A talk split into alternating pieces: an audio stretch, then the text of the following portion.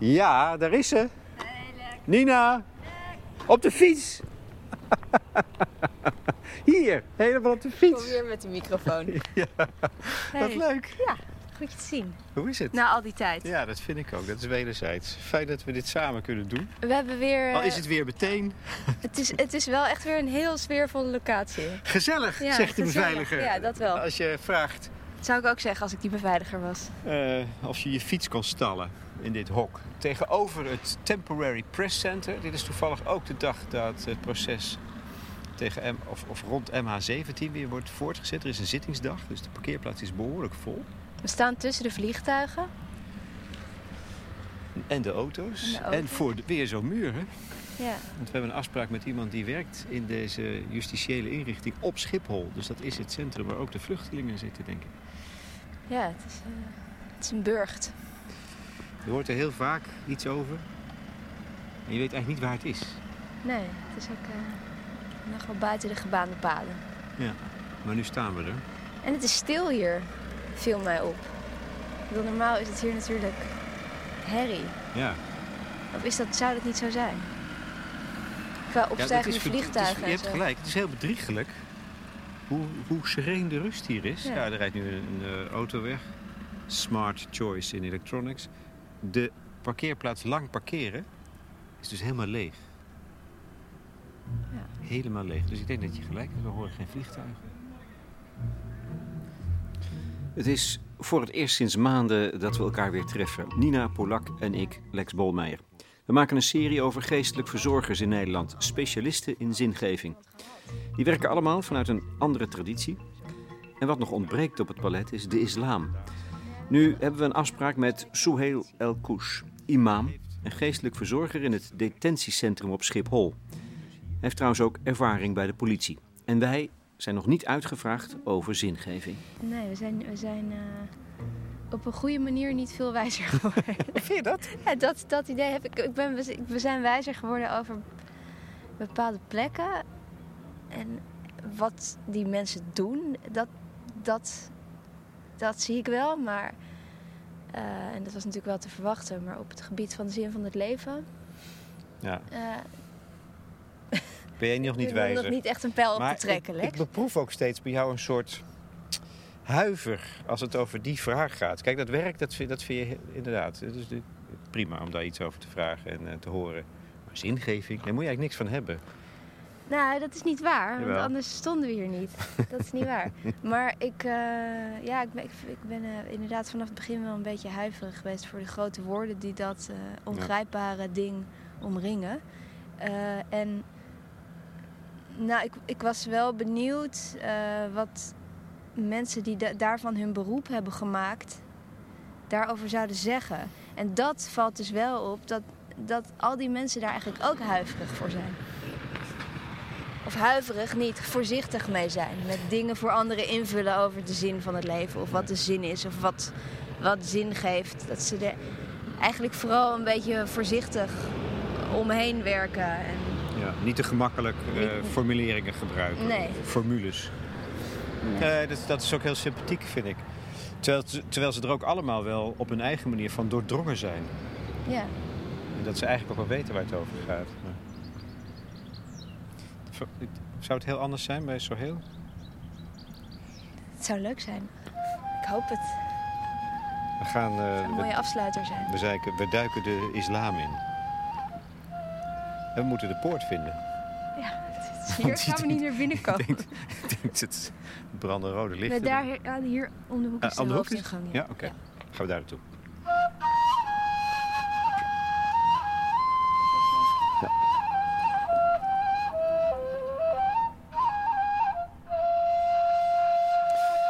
Dit kennen we nog van ons vorige bezoek aan de gevangenis, toen met de boeddhistische Monique Rietveld. Het is een, een transitie, een riet de passage van buiten naar binnen, van open naar gesloten, van de wereld naar het innerlijke.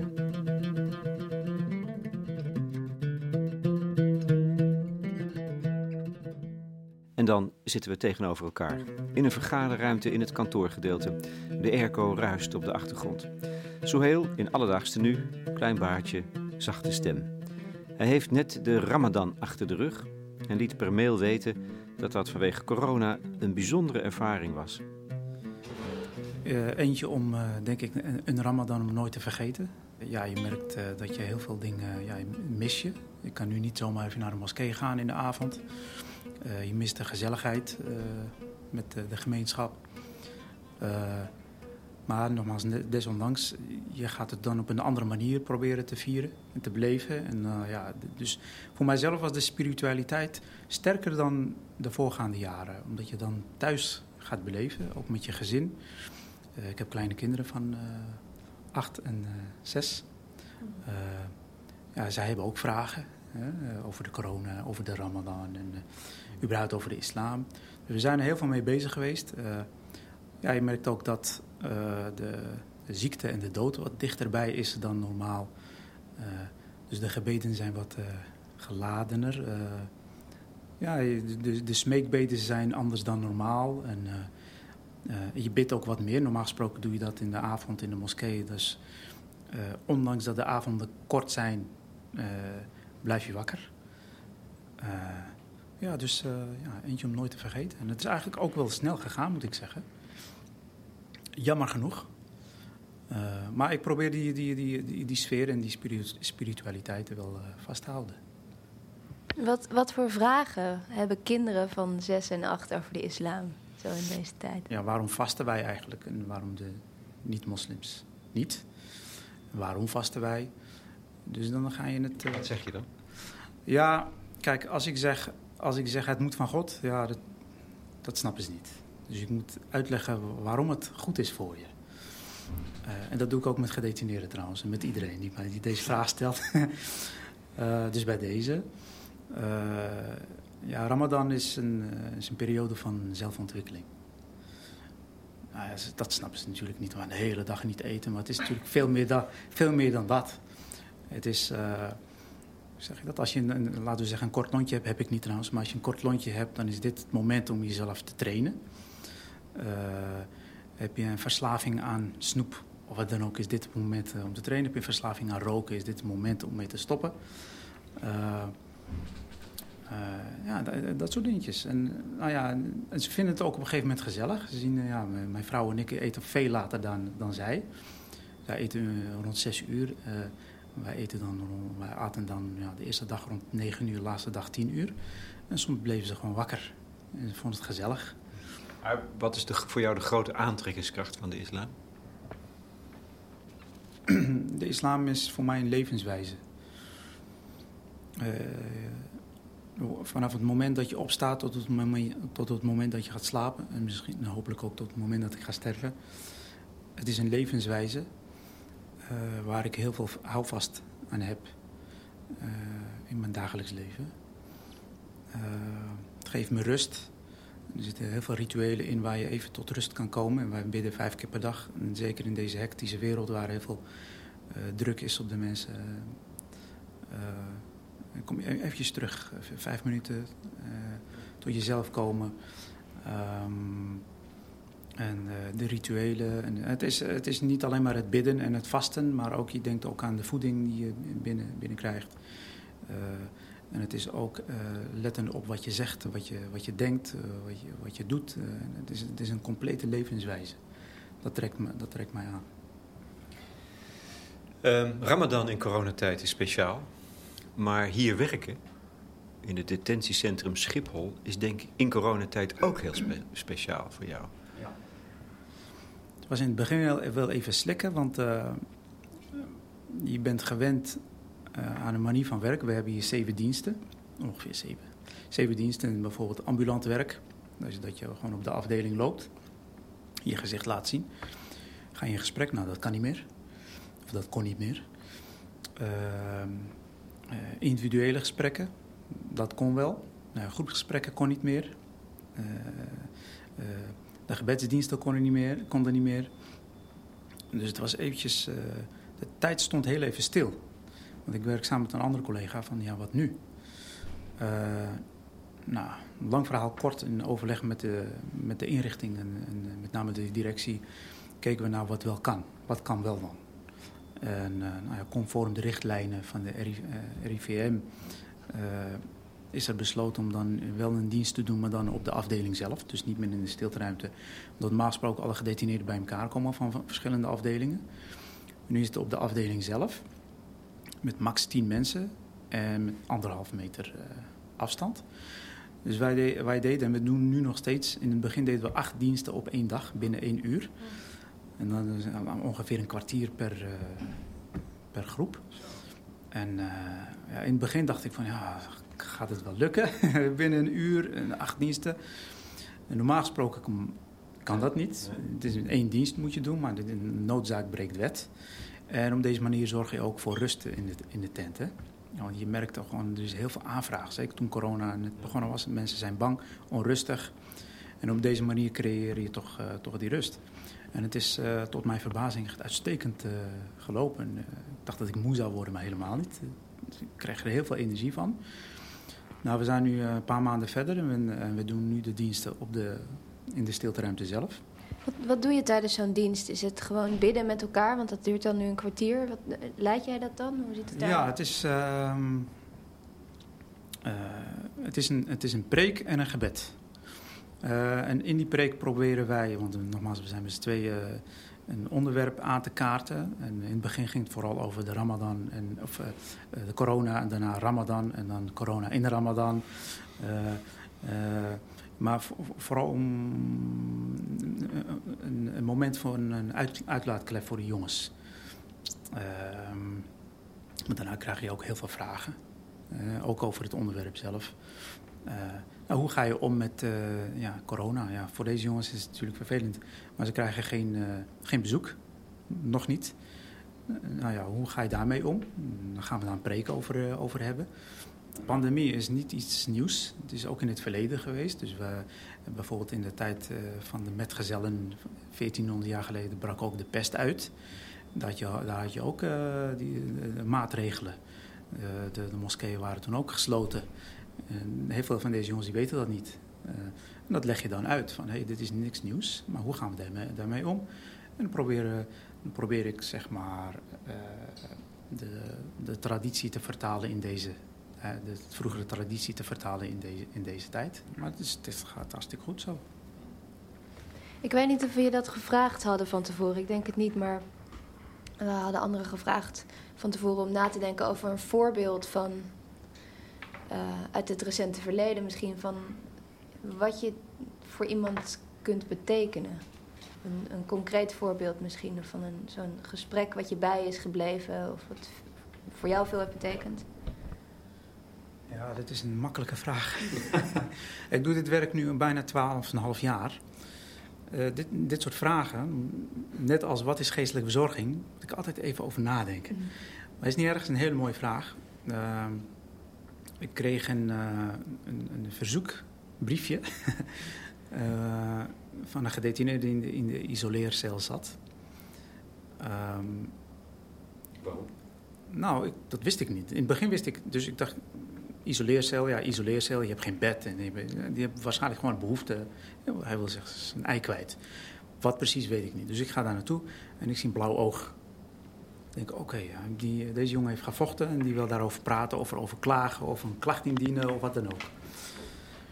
Maar het eerste wat hij vroeg was, uh, imam, ik, nou, ik zei, wat is er gebeurd met die ogen? Hij zegt, ja joh, dat is niet belangrijk. maar hij zegt, ik heb je geroepen voor één ding. Hij zegt, wat betekent sunnah? Ik zei, oh, dat had ik niet verwacht. En sunnah betekent wat, een eh, profetische traditie. Oh, dat heb je niet verwacht. Ik zeg, oh, een leuke vraag. Ik zeg, weet je wat? Uh, ik zeg, laten we even wachten totdat je uit de isoleercel komt. Het is wel fijner met een kopje koffie en uh, een gezellige sfeer. Hij zegt, prima. Nou, deze jongen, zonder zijn naam te noemen en precies vertellen wat hij heeft gedaan... maar dat was een boef, echte boef. Zowel buiten als binnen. En ik, ik zag hem na die vraag, want als iemand deze vraag stelt, betekent dat hij onderzoekend is. Um, de zin van het leven binnen detentie. Dat is onze, ons werk, zingeving. Hij zocht zingeving in detentie en zijn eerste vraag, wat is sunnah precies?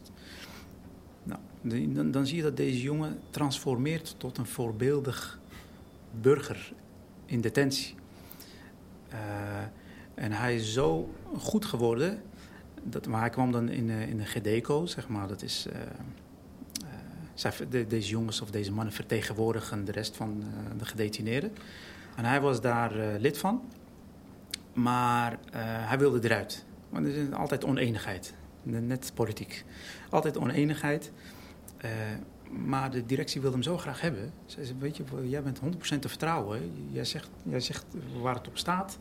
Je bent eerlijk. Je bent hier niet voor je eigen belang, maar voor het belang van gedetineerden. Wil je graag uh, behouden. En ze wilden hem zelfs een, soort salaris geven. Een telefoonkaart, eens in zoveel tijd of zo. Maar hij weigerde. Hij zegt, ja, nee, ik heb hier geen zin in. Maar deze jongen zal ik ook nooit meer vergeten. Nou, op een gegeven moment... Uh, volgens mij heeft hij vijf, zes jaar vastgezeten... Uh, als ik er niet was, want ik werkte part-time, dan gingen gedetineerden met uh, religieuze vragen naar hem toe. Uh, nou, deze jongen is op een gegeven moment vrijgekomen. ik werkte toen in een vreemdelingdetentie. En via via hoorde ik dat hij een eigen bedrijf startte in Turkije. Heel succesvol is geworden. Ja, van een boef buiten, boef binnen naar een voorbeeldpersoon. Eh, dus iemand die echt zocht naar zingeving. Maar, zo heel, wat is dan zingeving in detentie? Kijk, het is, mensen zitten tussen vier muren. Ze hebben een bepaald, een bepaald uh, leven buiten gehad en snel veel geld verdienen, snel geld verdienen uh, op een verkeerde manier. En ze zijn nu heel erg beperkt. Uh, waarschijnlijk hun leven lang waren ze dat gewend en nu is dat beperkt hoe ga ik nu zin maken? In, in, ja, heel veel raken in depressie bijvoorbeeld. Uh, wat ik dan meestal probeer te doen, is in het stukje zingeving, is uh, uh, reflectie, het reflecteren. Wat dat ontbreekt bij velen. het leren en reflecteren binnen detentie. En hen confronteren met hun daden dat is in het begin even aftasten of ik dat kan doen of niet. En soms moet je echt een band opbouwen. En ik heb bijvoorbeeld een gedetineerde, nu komen de dingen binnen. Dus heb ik een gedetineerde. Na vier jaar pas durfde ik te vragen wat hij gedaan had. Want ik merkte aan hem dat hij heel afstandelijk was. Hij wilde daar niet over. Dat, dat voel je gewoon. Na vier jaar pas. En na vier jaar dan komen de tranen. En, oh, ik had het altijd goed gevoeld. Goed, eh, hè? Uh, ja, je raakt dus aan hun daden, dus aan hun schuld ook. Vergeer jij dan als geestelijk verzorger als een soort geweten? Is dat eigenlijk wat jij bent als je hier in gesprek raakt? Uh, ja, dat probeer ik soms. En het is in het begin altijd aftasten. Ik heb vorige week zo'n gesprek gehad met iemand. En ik denk dat ik een gevoelige snaar raakte. Wat, wat ik dan zei van, weet je, ik ga je nu deze vraag stellen, en, maar deze vraag stel ik mijzelf ook altijd voor, uh, aan mezelf. Is, het is een, jongen die heel veel geld verdient met verkeerde dingen. En ik zeg, stel nou dat jij voor God staat op de dag des oordeels. En God gaat tegen jou zeggen, en dan komt het woord dat geweten. Nou zegt God tegen jou, ik heb jou intellect gegeven. Je bent intelligent, je bent nog jong. En je komt makkelijk en we noemen dat halal. Dus de juiste, de goede wijze leven. Je geld verdienen. Wat ga je dan zeggen? Toen was hij even stil. dan eens kijken hoe gaat hij daarop reageren. Uh, toen zei hij, ja, je hebt helemaal gelijk. Maar, snap je? En dan, maar, ja, maar, uh, ik wil ook zo'n grote, dikke auto hebben. Ik wil ook een leuk huis hebben. En dit is, wat ik, dit is, dit is nou eenmaal wat ik ken. En dan probeer ik hem weer terug te halen weer zijn geweten een beetje wakker te schudden. luister, uh, zeg nou eerlijk, uh, voel je wel, uh, ben je wel tot rust? Hij zegt nee, want ik moet constant om mij heen kijken. het geld raak ik ook heel snel kwijt aan, aan, aan ja, verkeerde dingen. Het heeft geen waarde. Dus dat geld wat hij binnenhaalt, het leven wat hij heeft, heeft geen waarde. Dus ik probeer hem naar een leven te wijzen wat misschien wel waarde heeft.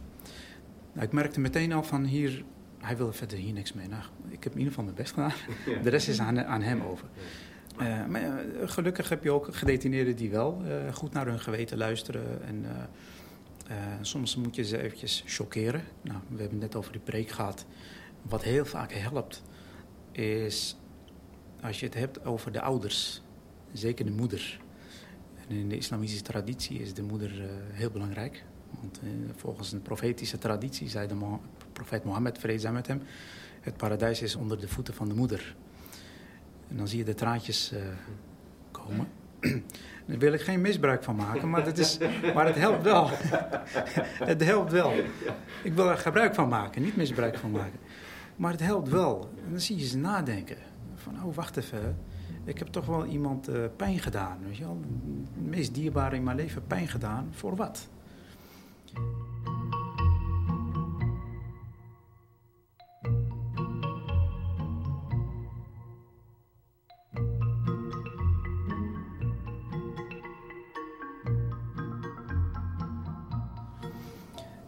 Dit is ook de plek waar heel veel vluchtelingen zitten of asielzoekers. Heb je daarmee te maken? Ja, tegenwoordig niet zoveel meer. Uh, zeker nu met de coronatijd komen er geen vluchtelingen binnen, uh, voor zover ik weet. En, uh, maar ook geen, zeker geen asielzoekers. Um, maar je hebt er wel veel? Ik, ja, een paar jaar terug. Het, het, heet een detentiecentrum, maar het is geen detentiecentrum meer. Maar ik heb er wel drie, ja, twee jaar geleden, drie jaar geleden mee gewerkt. Het werk met hen lijkt mij anders, toch weer anders. Het is anders, het is ook moeilijker, eerlijk gezegd. Uh, omdat ik, als ik eerlijk ben, weinig kan betekenen als het gaat om reintegratie. Maar wel een luisterend oor. En dat is ook een vorm van geestelijke verzorging. Gewoon je pre presentie, gewoon aanwezigheid, luisteren. Je hoort de meest verschrikkelijke verhalen hoor je. Uh, uit het land van herkomst, uh, uit oorlogsgebieden. Of mishandeling, misbruik, verschrikkelijke dingen. Maar je voelt je wel, ik voel me wel machteloos. Ja, ik zit dan wel hier en normaal gesproken wil je die persoon helpen. Zeker als iemand hier een gewone gevangenis of een HVB kun je iemand helpen. Maar in dit geval niet. En, ik heb ook destijds tegen mijn leidinggevende gezegd ik kan er zo weinig mee. Ik vind het best wel moeilijk met vreemdelingen. Het zijn moeilijke verhalen. maar goed, dat heb ik op een gegeven moment losgelaten.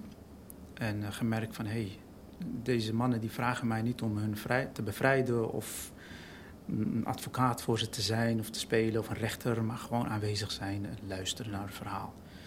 En uh, aan het eind van een verhaal zeggen ze vaak wel, uh, dank u wel. Dank u wel voor je bezoek. En dat doet mij wel goed. Ja.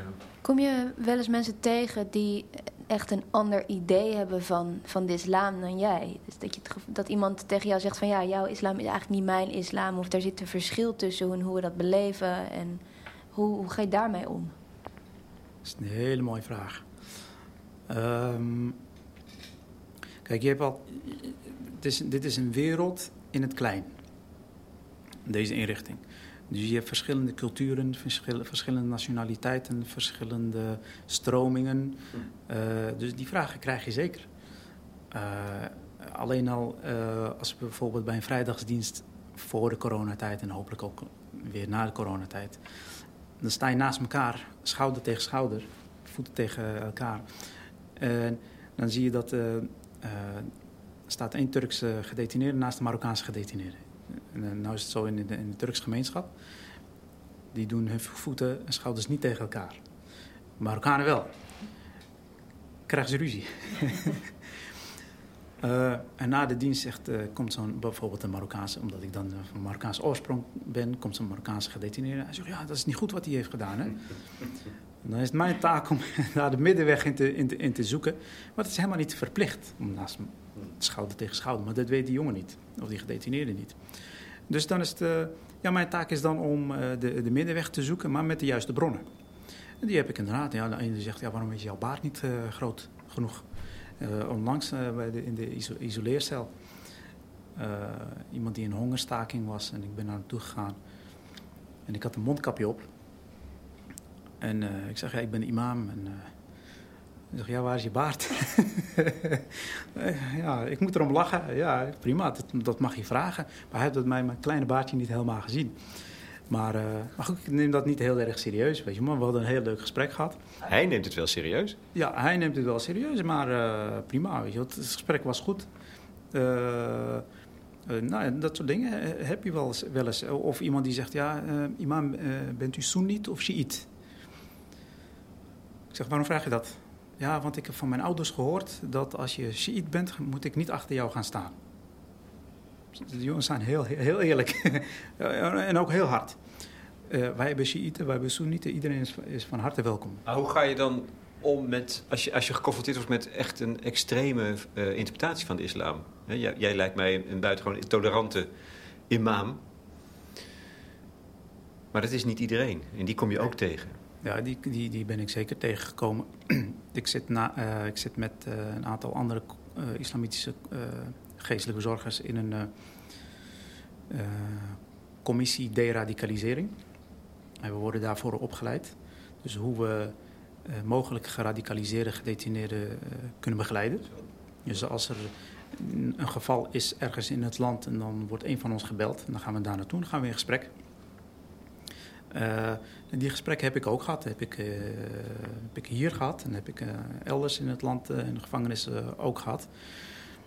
Um, wat ik gemerkt heb is dat je niet de deuren gelijk moet sluiten je merkt, je merkt in het begin een beetje een frictie, maar je moet het gewoon. Uh, um, ik ben altijd vriendelijk.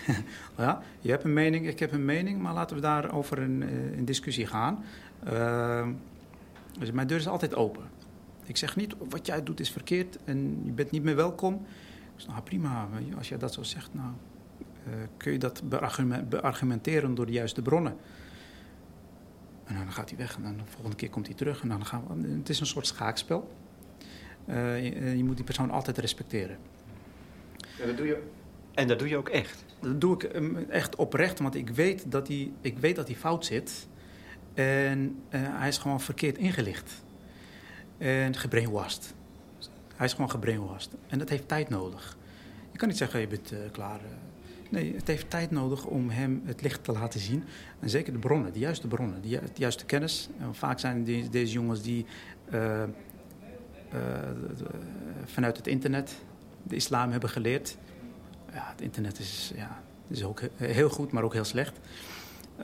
Je hebt heel veel mensen, ik noem ze, even, ik noem ze geen geleerden, maar mensen in ja, wolven in schaapskleren. die, heel veel, die heel veel Koranteksten kennen en overleveringen. En ja, zo'n jong persoon die niet, niet veel weet. Uh, en, het zijn ook vaak jongens die een bepaald verleden hebben gehad. Die zijn mishandeld, uh, misbruikt, uh, gediscrimineerd of wat dan ook. En die zoeken dan identiteit. In de islam is het zo dat broederschap is heel belangrijk. Nou, als je op een gegeven moment bij een groep moslims komt tussen haakjes bij groepen moslims komt en je voelt die uh, liefde en, en, broederschap, en dan ga je automatisch mee. En alles wat ze zeggen is ja en amen. Weet je wel? Dus uh, nee, de, een casus hier bijvoorbeeld. En hier op Schiphol was iemand die. ik had een groepsgesprek en, en, en, hij was altijd stil. Geen baardje, geen. wat, nou, hij zat op een gegeven moment, na een paar weken, wat ik dan wel eens doe is, in die tijd zeker toen IS een hot item was in het nieuws, ik gooide wel eens uh, de term jihad erin. In, het, in, de, in de groep. En dat is... En, en dat is ja, maar, maar puur om, om, om te kijken wat, wat zich in de hoofden speelt. Het woordje jihad, daar is niks mis mee. Hoor. Dat betekent gewoon inspanning. Dat is het. Gewoon je, je spant je eh, in. En na een paar weken zei hij... Uh, toen kwam er iets uit. Toen dacht ik. Ik weet niet meer precies wat hij zei. Maar toen zei hij, uh, imam, die imam, en hij noemde een naam, ik ben die naam helemaal vergeten. Uh, die zegt dat wij naar Syrië moeten gaan. En dan noemde hij een vers of een overlevering. Ik zeg, oh oh. Hoi. En ik weet dat deze jongen bijna vrijkomt.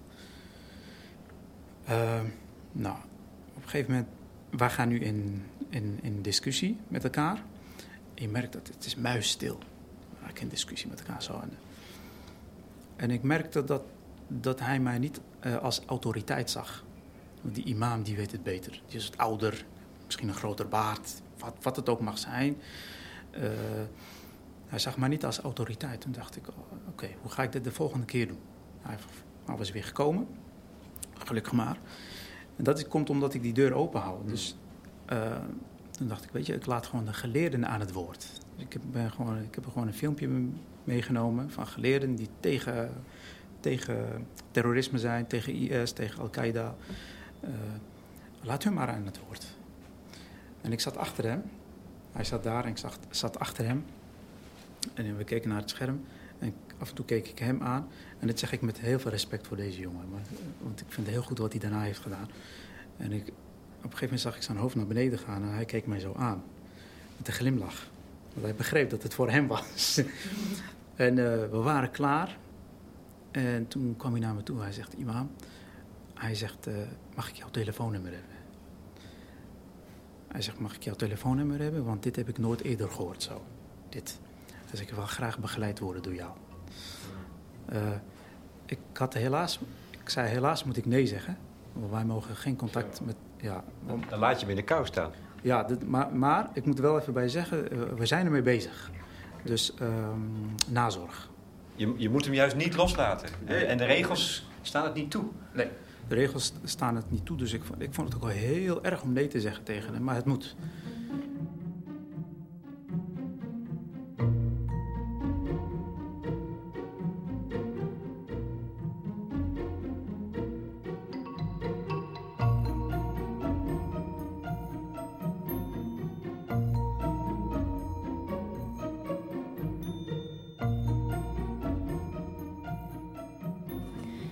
Noemde discriminatie als een van de mogelijke redenen dat, dat iemand zich aangetrokken gaat voelen tot, tot, die, tot dat hele radicale broederschap. Hè?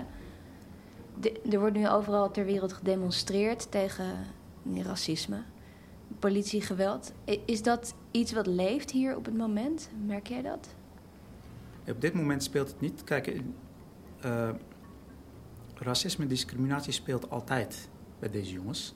En niet alleen bij geradicaliseerden, ook bij de gewone gedetineerden. Uh, wat ik dan probeer te doen is, als we het weer hebben over geweten en uh, reflecteren, dat, dan, uh, dan noem ik altijd de verhaal van Jozef. Niet de Jozef van Maria, maar de profeet Jozef, die onschuldig in de gevangenis heeft gezeten. Uh, nou, even teruggaan. Nou, we hebben dan een groepsgesprek en dan, dan hebben we het over discriminatie. Ja, we worden gediscrimineerd en ik heb een strafblad. En uh, ik zeg, nou, waarom, waarom ga je niet gewoon werken voor een baas? Dan maar een minimumloon. Ja, dat, dat, moet, moet, dat moet ik niet zeggen natuurlijk. Maar wat je vaak hoort is, ja, maar ik heb al een strafblad, wie gaat mij aannemen? Zeker met naam Ahmed of Mohammed of wie gaat mij aannemen? Dan zeg ik, uh, wie van jullie heeft hier wel eens gesolliciteerd? Misschien twee vingers. En hoe vaak heb je gesolliciteerd? Eén uh, keer misschien. Dan zeg ik, kijk, ik heb, ik kan me nog herinneren, 40 sollicitatiebrieven gestuurd. Alle 40 keer afgewezen. Ik heb het niet opgegeven. Ik ben imam. Ik ben nog nooit gediscrimineerd in Nederland. Ik uh, praktiseer mijn geloof. Niemand die mij, niemand die mij verplicht om alcohol te gaan drinken of iets te doen wat niet mag volgens de islam. Het kan wel. Ja, maar dit, ja, maar dus. En dan komt het profeet, profeet Jozef. Profeet Jozef die heeft onschuldig in de gevangenis gezeten, jarenlang. Toen hij vrijkwam, vlak voordat hij vrijkwam, heeft hij niet gezegd: Ik ben zielig. Hij heeft gezegd tegen de leider, degene die hem vrij zou laten. Hij zei: Ik eis de hoogste positie die ik maar kan krijgen. Nou, hij werd dus de, de, de rechterhand van, van, van, van de koning, of van de leider. Ik zeg: Zo moet je dus doen. Benut jouw tijd hier, want je, je krijgt opleidingen. Je krijgt, en het zijn de jongens die heel slim zijn ook. Uh, en ik maak dan altijd een grapje over als je een bank wil beroven. Dat is niet makkelijk. Ik zou dat niet kunnen. Of, of wat dan ook. Dan moet je heel tactisch zijn, heel slim zijn. Je moet analytisch zijn. ik zeg, nou, in plaats van dat, uh, vertaal dat naar iets goeds. Heel, va heel, vaak hebben deze jongens die, die andere kant nog niet geproefd. Het proberen. Probeer maar gewoon. Het kan wel. Dan moet je doorzettingsvermogen hebben. En ik neem mezelf als voorbeeld. Als uh, Jozef, die had toch, je zegt van, hij, ik, hij vroeg zo vanuit de gevangenis, ik wil de hoogste positie, maar hij had toch eerst een paar dromen uitgelegd van ja. de farao? Ja. En dat bleek te kloppen, hij had wel een talent. Precies, heel goed dat je dat zegt. Dus hij heeft zijn talent weten te benutten. En heb daar gebruik van gemaakt. Ja. En het zijn jongens echt, we hebben kunstenaars gehad. We hebben, ik ga straks, eh, als we daar tijd voor hebben, een, een leuk gedichtje eh, voorlezen van, van een gedetineerde. Ik sta soms echt, echt, echt tot, ik ben soms totaal verbaasd van wat zij kunnen. Lees eens voor. Eh, nou, ik, ik wilde jullie eigenlijk, dat doe ik nu meteen maar, een presentje geven. Ja. En ik zit in, eh, samen met eh, viertal andere of vijftal andere islamitische geestelijke bezorgers eh, zit, zitten we in een agendacommissie. Ik doe het nu ongeveer tien jaar. En wij maken dan elk jaar een agenda. En deze agenda is voor en, voor met gedetineerden gemaakt. Moslimgedetineerden. En wij bedenken dan een thema. wat met zingeving te maken heeft. En dan eh, vragen we aan de gedetineerden om daar iets over te schrijven. Kan een gedicht zijn, kan een tekening zijn, kan een spoken word zijn. Maakt niet uit wat. En daaruit kiezen we eh, drie winnaars. Ik heb hier een gedicht van 2021. Dus ik ben er nog mee bezig. En ik beloof jullie dat jullie er eentje gaan, gaan krijgen zodra die klaar is. Deze mogen nu alvast. Dank je. krijgen. Dankjewel, dat is mooi. En als het over. En eh, van 2021 is het, is het thema wie, wie ben ik? En uit wie ben ik krijg je heel veel existentiële vraagstukken eh, komen naar boven. En, en wij, wij kiezen deze onderwerpen expres zodat de gedetineerde in gesprek gaat met de imam, met de geestelijke zorger. Of met elkaar onderling. En deze jonge man. De titel is eh, De staat waar ik, waarin ik ben. De staat waarin ik ben is juist wat ik niet ken. Zwervend tussen de werkelijkheid raak ik de grip kwijt tussen de realiteit. Komt het ooit nog goed? Of is dit de weg die ik moet gaan? Een ui moet je pellen. Van fel naar nog meer vellen. Tot je komt bij de kern. Dit proces kun je niet versnellen. Kijken naar mijn verleden heb ik veel geleden. Nu rust me nog één ding: teruggaan naar het begin. En met Gods wil sta ik even bij het leven stil. En ja, ik wil, ik moet en ik ga naar de plek in mijzelf. Ik snij de ui door de helft en zie daar, de kern is mijzelf. En weet je wat mooi is aan. Hij heeft nummer 1 gewonnen, trouwens, prijs nummer 1. Het mooie aan dit gedicht is, hij, uh, dit is, dit is uh, de kern van mijn werk. Dus zorg voor het verhaal. Wat, ik, ik werk trouwens ook uh, werk bij de politie. En ik kreeg de vraag, wat is geestelijke verzorging? en wat is het verschil tussen, de, tussen jou en de psycholoog of de vertrouwenspersoon? En elke keer, oh, ik moet even, even nadenken, oh ja, hoe ga ik dit nou verwoorden? Oh ja. Er zijn heel veel raakvlakken. Uh, maar de geestelijke zorg is gespecialiseerd in de, uh, in de zorg uh, voor het verhaal. Verhaal van de mens. En door een uit te pellen, want hij heeft een dilemma waarin, waarin, hij, waarin hij zit. En door te pellen kom je tot de kern. Hij, precies, hij zegt precies wat ik, wat ik dus eigenlijk doe. Want het heeft tijd nodig, dat zegt hij ook. Hè? Het heeft tijd nodig. Dat doe je niet binnen een uur of twee. En eenmaal bij de kern dan proberen de, de negatieve spiraal om te buigen in iets positiefs. Dat doen we samen. Dus ik, ben, ik heb nooit het antwoord. Want de, de imam buiten heeft vaak het antwoord. Hè. Uh, kerigmatisch heet dat geloof ik. Eenzijdig verkeer, eenzijdig monoloog. Bij ons is het, uh, in een geestelijke bezorger is het een dialoog. Maar ik laat het vaak aan die persoon zelf over. Dus ik help hem alleen maar om die weg te, te, vinden. Omdat hij in zoveel problemen zit, is het goed om iemand van buiten te hebben. Die dan naar het kern van het probleem gaat. En dus deze man heeft precies gezegd wat ik, uh, wat ik doe. Als je zegt, bij ons is, wat bij ons in mijn werk telt is het verhaal.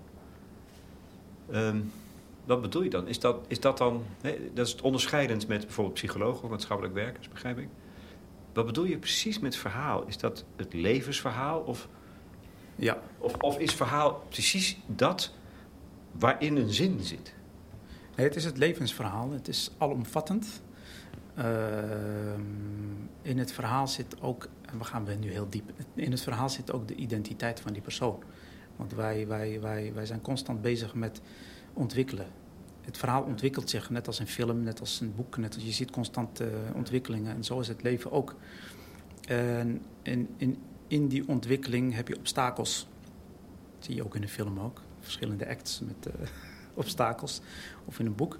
Maar dat is dus het levensverhaal, daar gaat het om. Allah, Allah, Allah,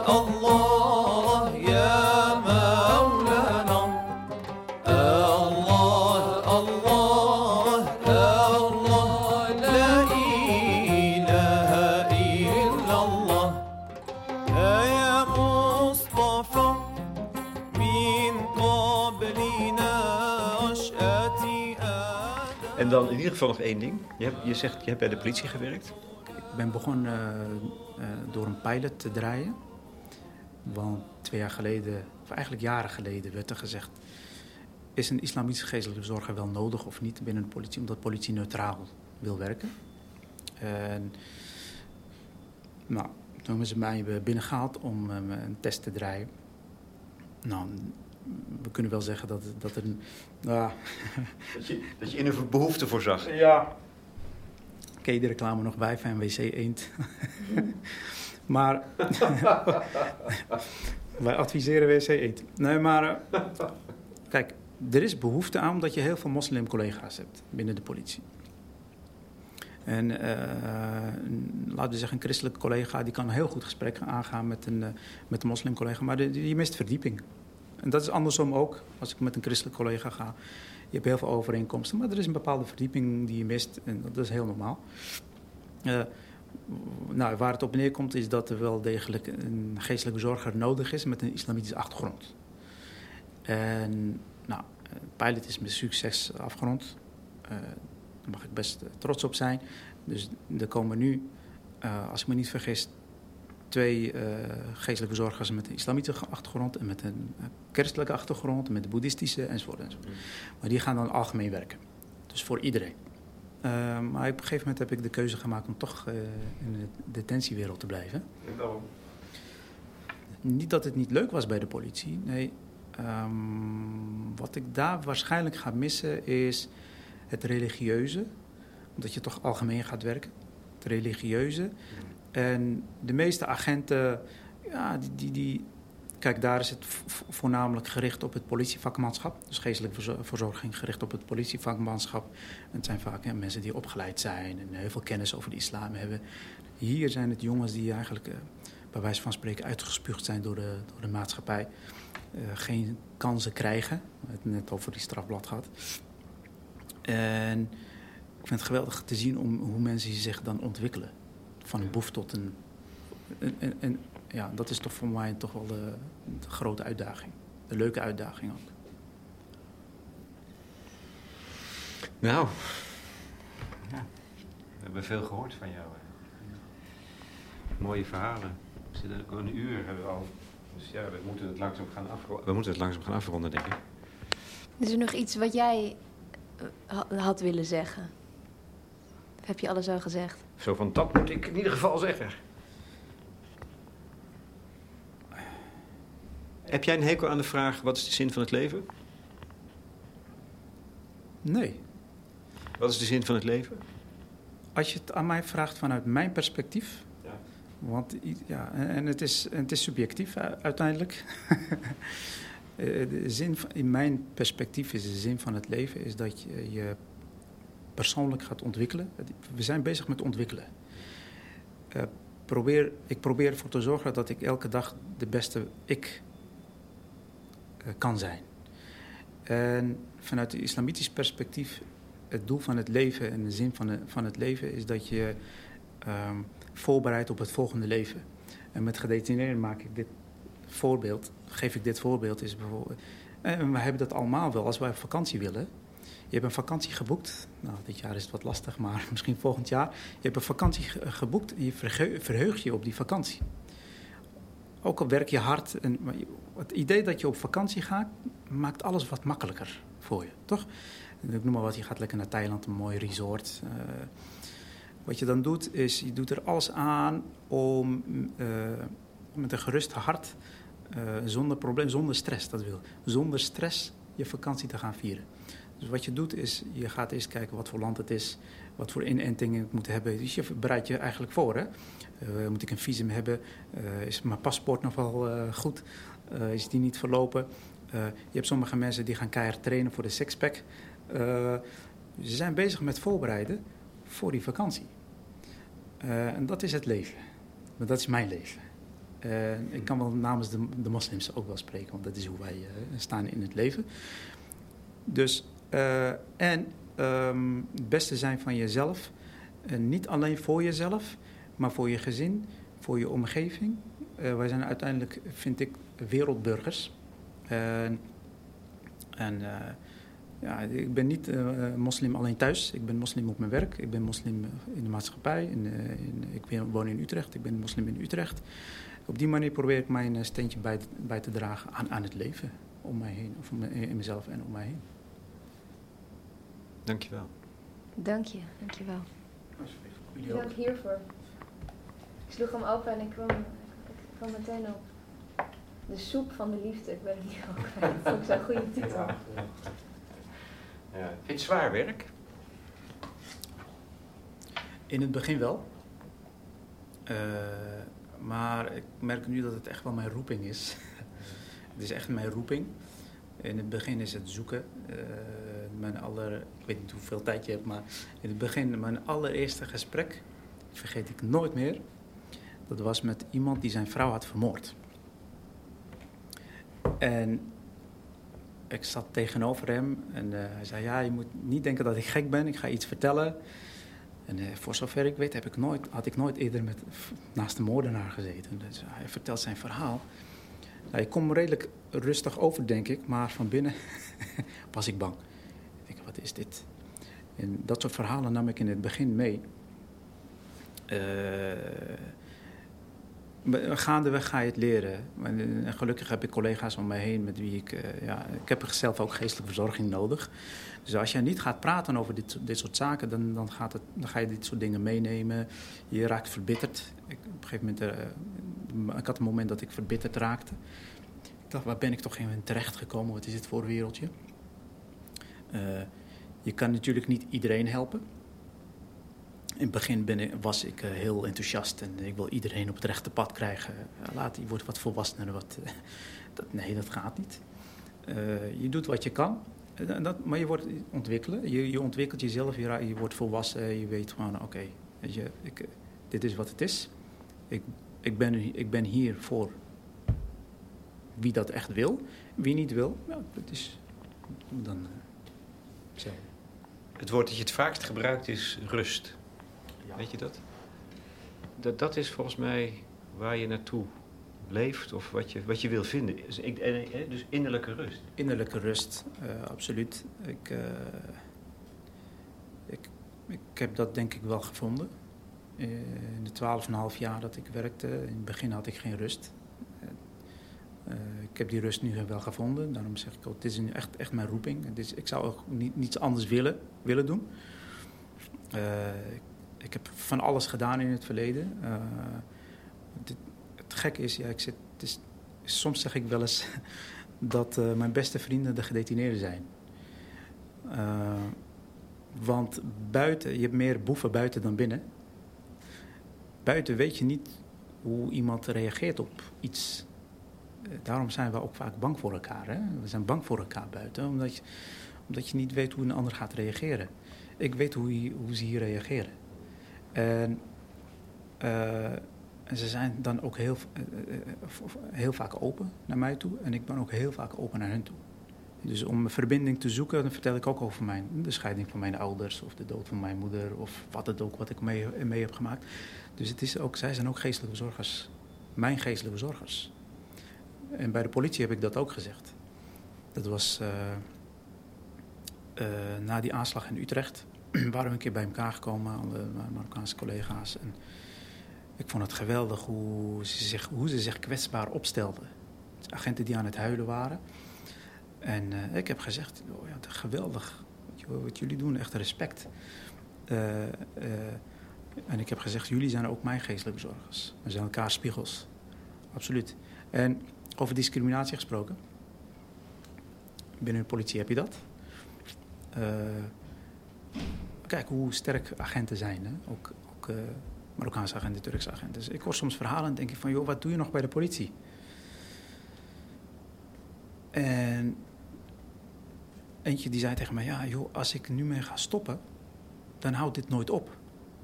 Dat vond ik geweldig. Ik zeg, joh, ga zo door. Respect. Hij zegt, ja, ik, ik blijf hier voor de volgende generatie. En zij, zij, zij leven echt voor het werk. Dat is echt uh, petje af. Gaat dat dan over, uh, over uh, discriminatie binnen het korps of, of, of uh, daarbuiten? Want, want je hoort dat binnen het korps natuurlijk ook uh, ja, soms heel lastig het, is. Ja, het is zowel binnen als buiten. En ik denk dat je dat overal hebt hoor. Die gesprekken heb ik ook al gehad met agenten. Kijk, uh, het is er en het, het, is er overal. Het is overal. Um, ik als geestelijke verzorger kan alleen een luisterend oor bieden. En, en ik, heb dan, ik heb dan ook een functie van bemiddelaar. Daar waar nodig is, kan ik met, ja, als er een oneenigheid is geweest eh, kan ik daartussen komen. Eh, maar het is zowel binnen als buiten. Maar ook zelfs, nou, niet, niet zozeer, ja, kan ik zeggen, discriminatie of niet. Eh, meer het gevoel van verraad. Sommige agenten die, die krijgen dan het een en ander naar zich toe geworpen als wie bent een verrader omdat je agent bent. je werkt voor een Nederlandse overheid. Terwijl die agent er echt voor jou is, weet je wel, voor jouw veiligheid. Dat zijn echt ja, trieste verhalen die, die je dan hoort. Dat, dat vinden ze misschien nog erger dan discriminatie uh, binnen, binnen korps.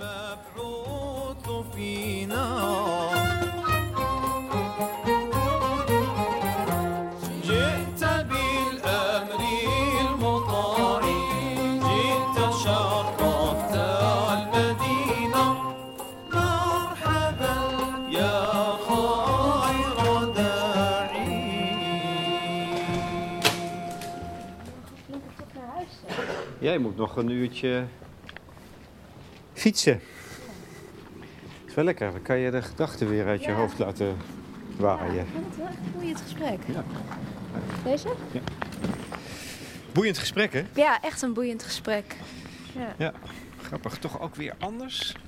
Ja, wel echt anders. Ja, en ik, ik zat ook nog even na te denken over... Uh, net zeggen dat we, dat we niet zo heel veel gehoord hebben over zingeving zelf. Dat is natuurlijk niet waar.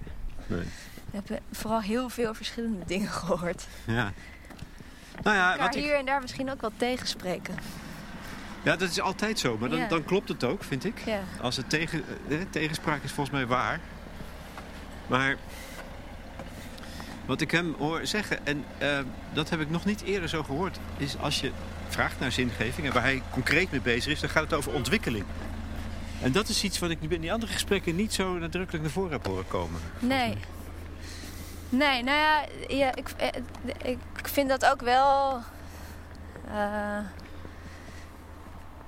het staat op een bepaalde manier ver van mij af dat, dat hij het heeft over, over die vakantie. Dat je als moslim leeft voor de, voor, voor de vakantie die gaat komen. Waarvan ik me dan kan voorstellen dat dat, dat inderdaad het hiernamaals is.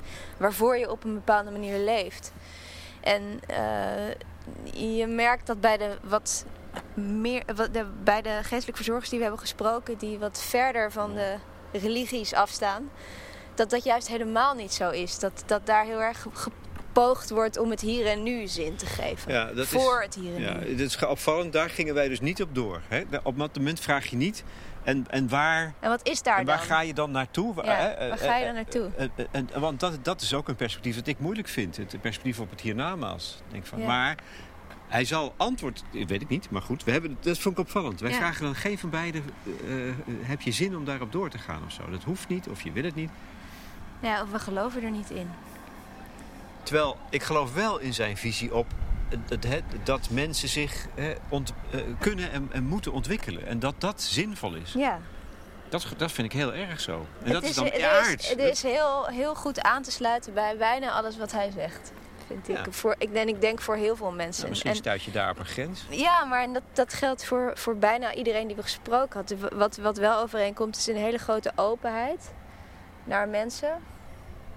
En ze zeggen allemaal, en dat zei hij ook, hij ook weer, het werk bestaat voor een groot deel uit gewoon er zijn. Aanwezig zijn. En dat horen we ook steeds weer.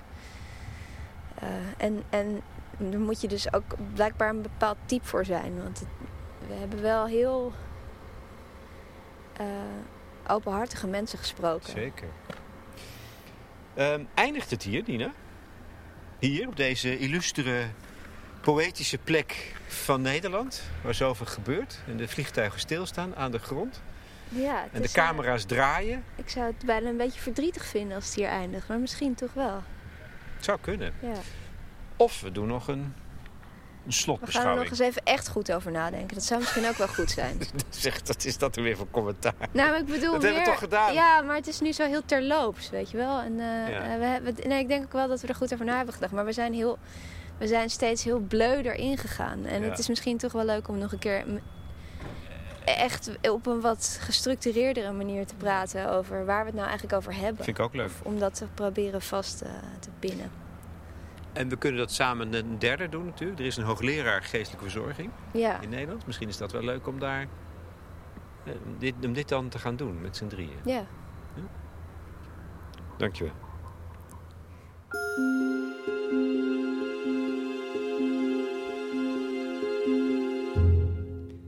Souheil Elkouch, imam. In gesprek met Nina Polak en Lex Bolmeijer voor de correspondent. Dit was de achtste aflevering van onze serie over geestelijk verzorgers. De professionals van de zingeving.